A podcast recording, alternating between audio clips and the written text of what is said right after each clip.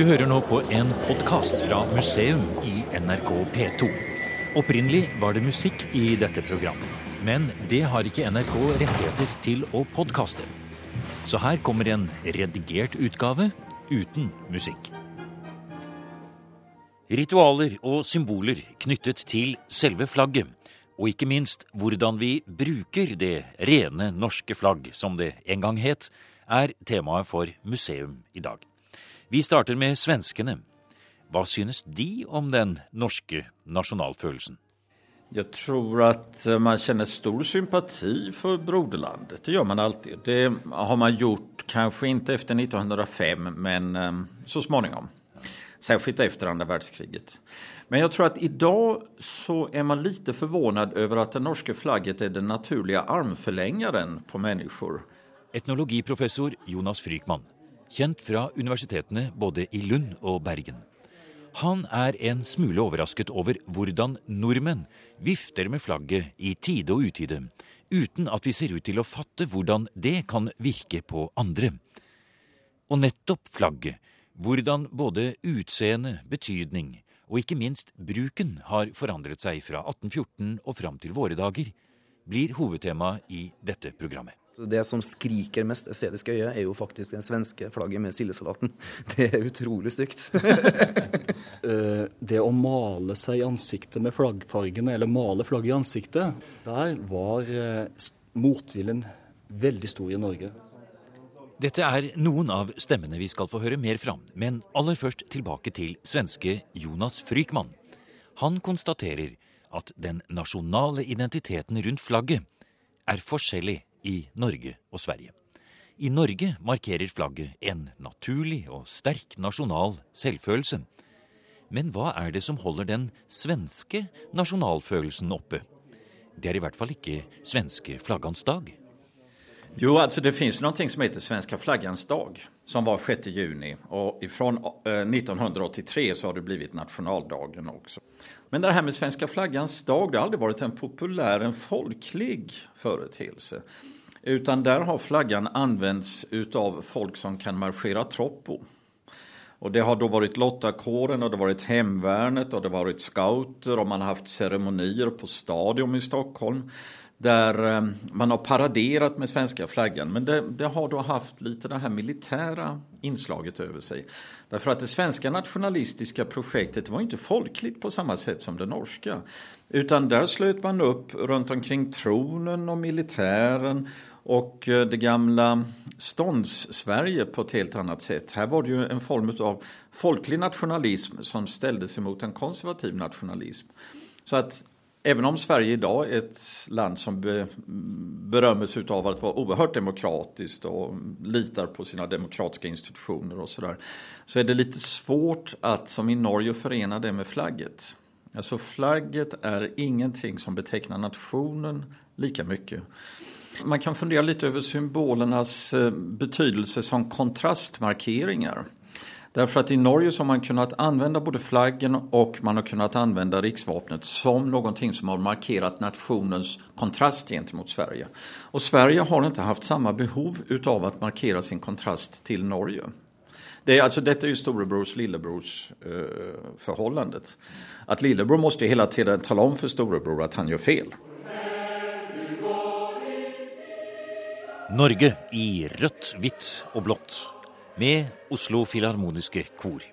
For øvrig under den svenske dirigenten Stefan Schjøll, kan ta oss videre inn i det resonnementet som Jonas Frykman nettopp hadde. Flagget som nasjonalsymbol har betydd mer for lillebror enn for storebror, sier Frykman. Og da snakker vi selvsagt om unionsflagget, med den berømte sildesalaten. Jeg kan tenke meg at det var i 1904 julaften. Så var faren min kommet hjem litt tidlig og hadde lagt seg til å hvile. Og mora mi holdt på å pynte juletreet.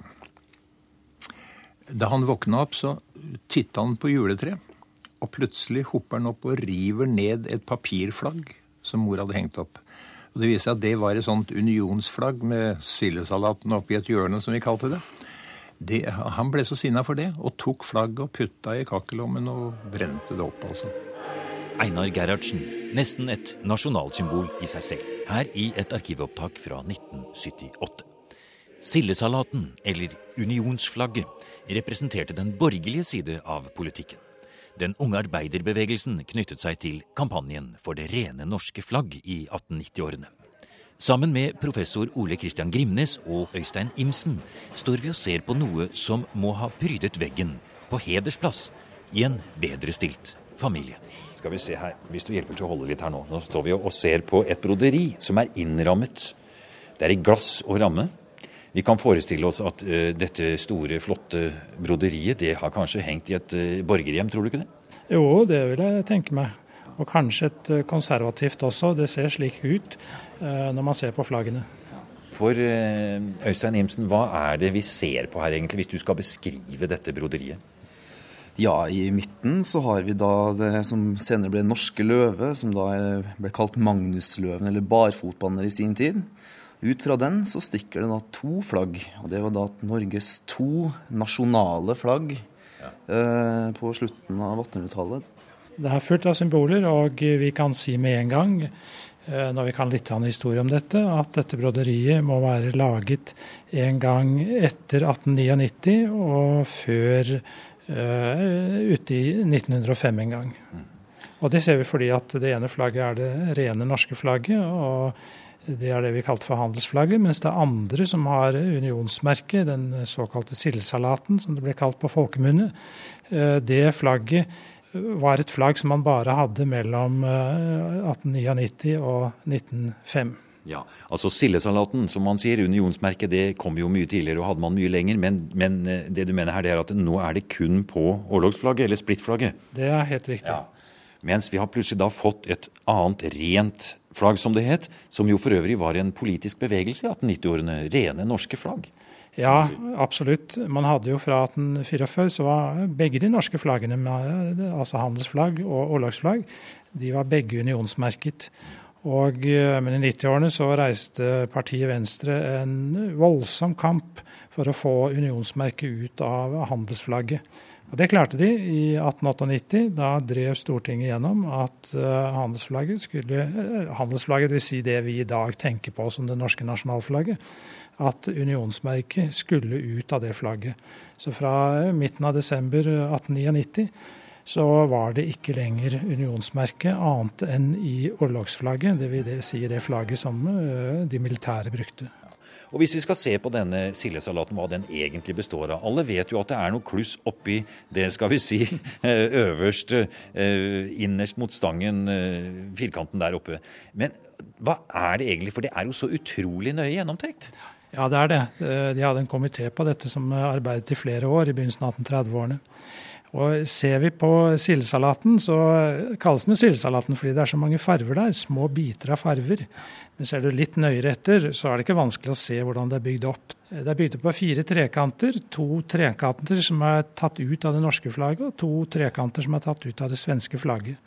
Og Så har man satt disse trekantene mot hverandre, sånn at eh, både det norske flagget med de norske flaggfargene er representert gjennom to trekanter, og de svenske med er også representert på samme måte.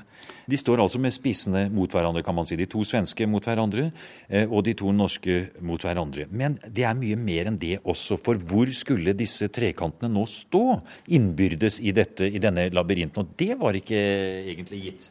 Altså Hele prinsippet bak sildesalaten det er jo likestilling. Det må være så likestilling at det ikke skal være mulig å si at den ene parten står over den andre.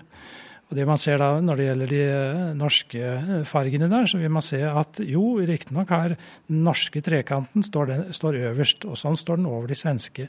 Men den andre eh, trekanten den ligger under de svenske. Så Norge liksom er plassert både øverst og underst, og da blir det likestilling av det. Akkurat som de svenske er plassert dels ved stangen, det er gjevest, men også lengst borte fra stangen.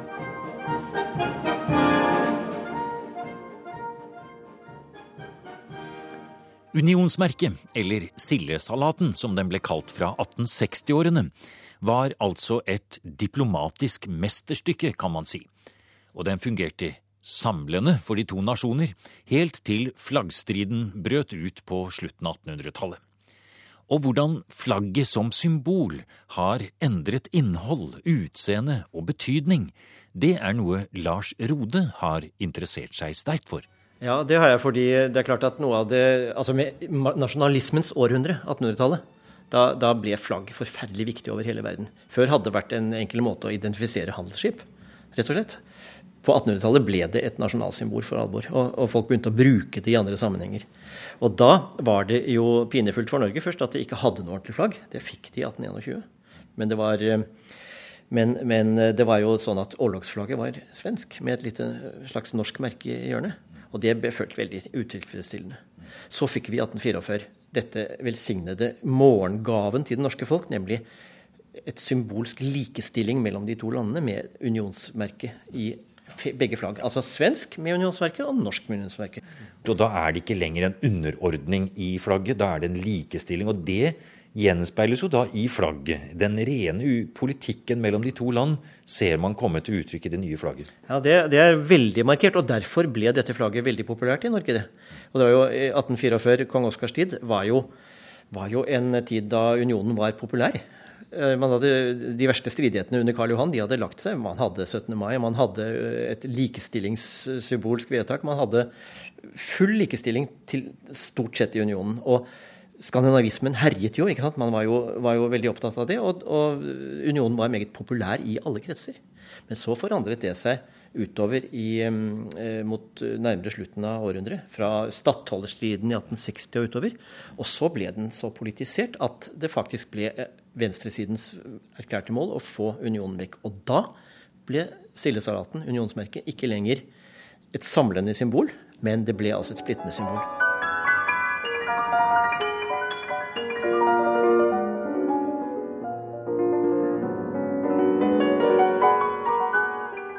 Men midt i denne intense flaggstriden på 1890-tallet, hvor det altså er slik at en likestilt union med tilhørende flagg har mange og sterke tilhengere, i denne situasjonen kunne man i en by som Kristiania fullt lovlig flagge med minst tre forskjellige typer norske flagg. Det kom bare an på hvor man heiste flagget. Og da har du det morsomme at uh, i 1898 så fikk altså venstresiden i sitt program igjennom rent flagg. Men de hadde da grunnlovsmessig bare rett til å gjøre det for handelsflagget. De hadde ikke lov til å gjøre det for orlogsflagget. Men så innførte de en ny type flagg som vi ikke hadde før. De innførte flagg på statens bygninger, nemlig um, splittflagget, som da var rent. Så vi hadde en merkelig stilling. Har du, et, du, har en plansje her hvor vi ser det står her. Statens bygninger, står det. Statens bygninger, ja. Så på Stortinget som var statens og ikke kongens, der heiste de det rene norske splittflagg. Men festningene, eh, militære skip, det var etter Grunnloven de skulle ha orlogsflagg, som da etter Grunnloven skulle være et unionsflagg. Så det kunne man ikke gjøre noe med. Så det ble stående til 1905. Og det er litt interessant, da, Rode. Vi kan se for oss her i Oslo. Tre forskjellige flagg, faktisk. Ja.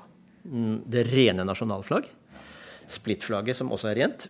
Mens folk flest og handelsskip brukte ja. da et rent handelsflagg. Ja. Du kan si I villaene oppover bak Slottet her f.eks. så kunne det flagget slik vi kjenner det i dag, ja. eh, vaie fritt og fint.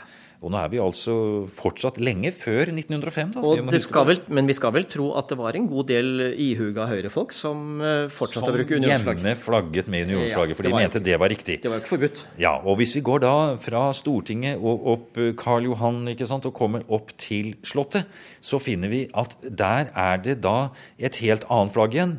Eh, for det er selve kongens flagg. Ja, og da må det innskytes at som regel sto flaggstangen naken.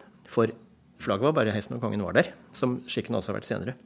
Og det kongeflagget som da vaiet over Slottet når kong Oskar 2.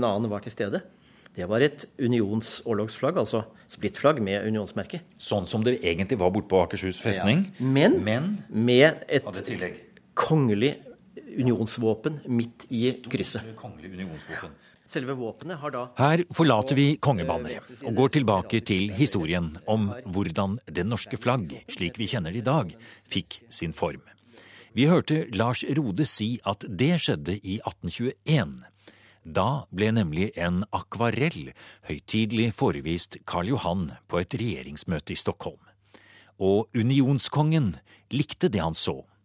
Gillas, står det, med Karl Johans feiende signatur, under en akvarell av flagget i rødt, hvitt og blått. For øvrig foreslått og innsendt av stortingsmann Fredrik Meltzer fra Bergen. Men går vi enda litt lenger tilbake i tiden, til tiden like etter 1814, da finner vi noe virkelig merkelig. Her henter historiker Ole Christian Grimnes fram en kuriositet fra det svenske riksarkivet. Ja, det er en kopi av eh, det som var eh, et kombinert unions- og orlogsflagg. For det sa Grunnloven av 4.11.1814 at eh, Norge skulle, og Sverige skulle ha et orlogsflagg som samtidig var et unionsflagg. Og dette unionsflagget, det er et svensk flagg men med et lite merke opp i det venstre hjørnet. Eh, dette hvite merket var eh, ment å være et eh, emblem for Norge, et merke for Norge. Det, og Da skulle man jo tro at svenskene ville spørre nordmennene hva vil dere ha som et sånt emblem? Ja, og det gjorde de. Og det svaret som nordmennene ga, det var et svar som overrasket nordmenn senere, for det er veldig lite norsk ved det. Det merket vi ser, det er egentlig det danske flagget Danebrog. Det er, et, eh, det er rød bunn, det er et hvitt kors. Den eneste forskjellen er at korset er ikke opprettstående, det er liggende. Et såkalt Andreas-kors. Ja, det går fra diagonal til diagonal. Altså, ja. ja. Veldig rart. Dette hvite Det ser ut som en X, med andre ord, som da står på en hvit X på uh, rød bunn. Og det er, altså, det er, altså, en hilsen tilbake til den eh, forrige unionspartneren, det da? Ja, det er helt klart at det der, der det viser tilbake til Danebrok. Danebrog. Mm. Og Det er ikke så rart, fordi at helt fram til 1814 så brukte nordmenn, norske skip, norske militære, brukte det danske flagget. Vi var jo i union med Danmark, og eh, i denne dansk-norske helstaten så var flagget det danske flagget Danebrog. Så kommer 1814, vi løsrives fra Danmark, vi går inn i en ny union med Sverige. Og eh, da brytes den politiske forbindelsen med Danmark, men ennå er minnet om det danske flagget Eh, så sterkt at man bruker eh, en, litt moderert utgave av det danske flagget som et norsk merke. Og Her skal vi huske på det at dette unionsflagget det kom i 1815. Da hadde Norge ennå ikke fått sitt eget flagg. Det nasjonalflagget som eh, vi kjenner i dag, det fikk de i 1821. Og selv for en historiker med flaggsaken som spesialitet må man virkelig tenke seg om for å holde styr på hvordan flagget så ut til forskjellige tider på 1800-tallet, sier historiker Øystein Imsen. Eh, når jeg og Ole Kristian satt på kontoret hans eh, i forrige års og telte gjennom hvor mange flagg Norge hadde hatt, siden, hatt i bruk siden 1814, så kom vi fram til sju. Eh, det rene svenske flagg ble også brukt på lengre avstander. Og det var jo pga. barbareske statene, altså piratfaren fra statene Marokko, Algerie, eh, som tok og opprakte skip på den tida der. Og vi kan jo si at eh, den moderne flaggbruken med det å gå i tog og vifte med flagg og ha dem stående på bord, det er et fenomen som Bjørnson tok med seg fra USA. Det er der det kommer fra. Og han startet da, altså da i, i 1870 da barneflaggtoget, som i dag er kjent som Eller flaggtog for smågutter, som etter hvert inkluderte også jenter, som i dag er kjent som Barnetoget. Men hvis vi tar med oss et annet kjent navn, eh, Wergeland, og går litt tilbake igjen til dette flagget vi nå står og ser på her, dette med dette hvite eh, korset på rød bunn, så kommer altså eh, skikkelig saken i gang etter 1821, da man får dette utkastet, eller dette forslaget til et, eh, et annet flagg, som du har tidligere nevnt, trikoloren, som jo altså er en hilsen til det franske revolusjonsflagget. Det stemmer. Eh, Frankrike hadde på den tida eh, ikke trikoloren som de har i dag, som var det revolusjonære flagget. De hadde da det franske liljebanneret. Og i opptakten fram mot 1830 så foregikk det også i Frankrike en kamp for å kvitte seg med da det her kongelige liljebanneret og erstatte det med den franske trikoloren. Wergeland han var jo i Frankrike på den tida her, og han har fått det med seg. Og det er nærmest da importert den samme flaggkampen hjem til Norge. Og den brukes jo også eh, i oversatt form direkte fra fransk i agitasjon i det vi har flaggkampen mellom sildesalaten og den rene trikolor. Wergeland kaller det den nordiske trikolor. rett og slett. Eh, det dere sier nå, betyr det at eh, flaggstriden ikke var spesielt sterk etter 1821, i og med at Karl Johan da tillot bruk av det nye trikolorflagget, altså det, det, flagget vi kjenner, eh, på egen bekostning og regning. Men altså, det ble ikke forbud mot det, faktisk? Eh, det ble en flaggstrid eh, utover i 1830-årene, og det var fordi at eh, da franskmennene tok Algerie i 1830, så knekket de også de nordafrikanske sjørøverstatene. Og dermed så var det ikke så farlig lenger også å seile i Middelhavet. Og dermed så presset nordmennene på og sa at det er jo ikke farlig lenger, nå må vi kunne bruke vårt eget nasjonalflagg fra 1821. Det må vi kunne bruke i Middelhavet, akkurat slik som vi bruker det i Nordsjøen. Og Det ga da Karl Johan seg på til slutt, i 1838. Det kalles ofte for frigjøringen av flagget. Etter 1838 kunne man bruke det rene norske flagg på, til sjøs overalt. Da var det som sto igjen, det var det unionsmerkede. Og det, det var Ollagsflagget, som var svensk. Altså, vi, vi, spurte jo ja, Først så spurte vi jo hvor mange, som, hvor mange som hadde brukt flagget på en arena i løpet av det siste året. Men der lå vi altså bak både svenskene og, og danskene.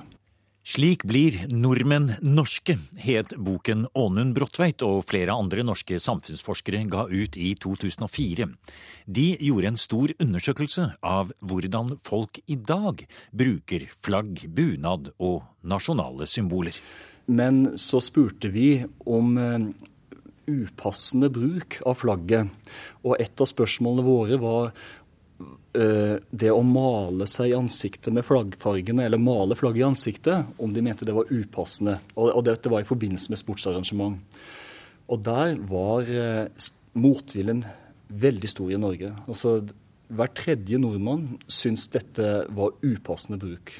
Men jeg, jeg mener at det er ikke et direkte uttrykk for nasjonalisme. Altså Man kan på en måte ikke gå ut og se oi, her, det, her har alle flagget i handa og ansiktsmaling med norske flagget nå er nasjonalismen på oppadgående, og en negativ form for nasjonalisme, det, det tror jeg blir altfor enkelt. Eh, jeg tror det er uttrykk for noe annet. Eh, det er noe mer en form for eh, sosial gruppetilhørighet der og da, og en hyllest til nasjonen som sådan.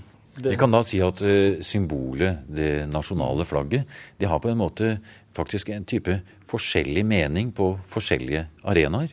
Og det er forskjellige regler også. Forskjellige brukssammenhenger, forskjellige regler og også forskjellige tolkninger, altså gyldige tolkninger, om man skal si det sånn. Eller man, man tolker det i hvert fall ulikt, avhengig av hvilken arena det er. Hvis du går over til Sverige, i hvert fall noe jeg har fått bekreftet av mine svenske kolleger, så tolker man også der det er veldig ulikt om man ser et svensk flagg på en idrettsarena, eller om man ser det i gatene. I gatene så har eh, Eh, høyreekstreme elementer i litt for stor grad eh, erobra flagget, flaggsymbolet.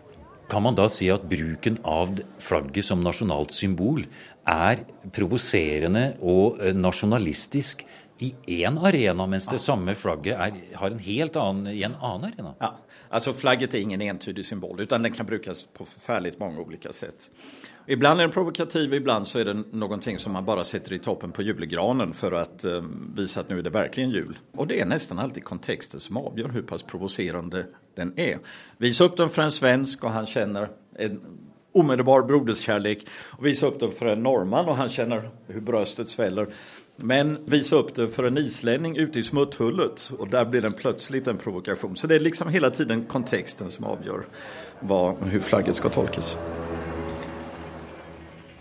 Dette var en redigert utgave av Museum uten musikk. Søker du på Facebook etter Museum NRK P2, finner du også et bilde av Karl Johans signatur på flagget med innskriften 'Gillas'.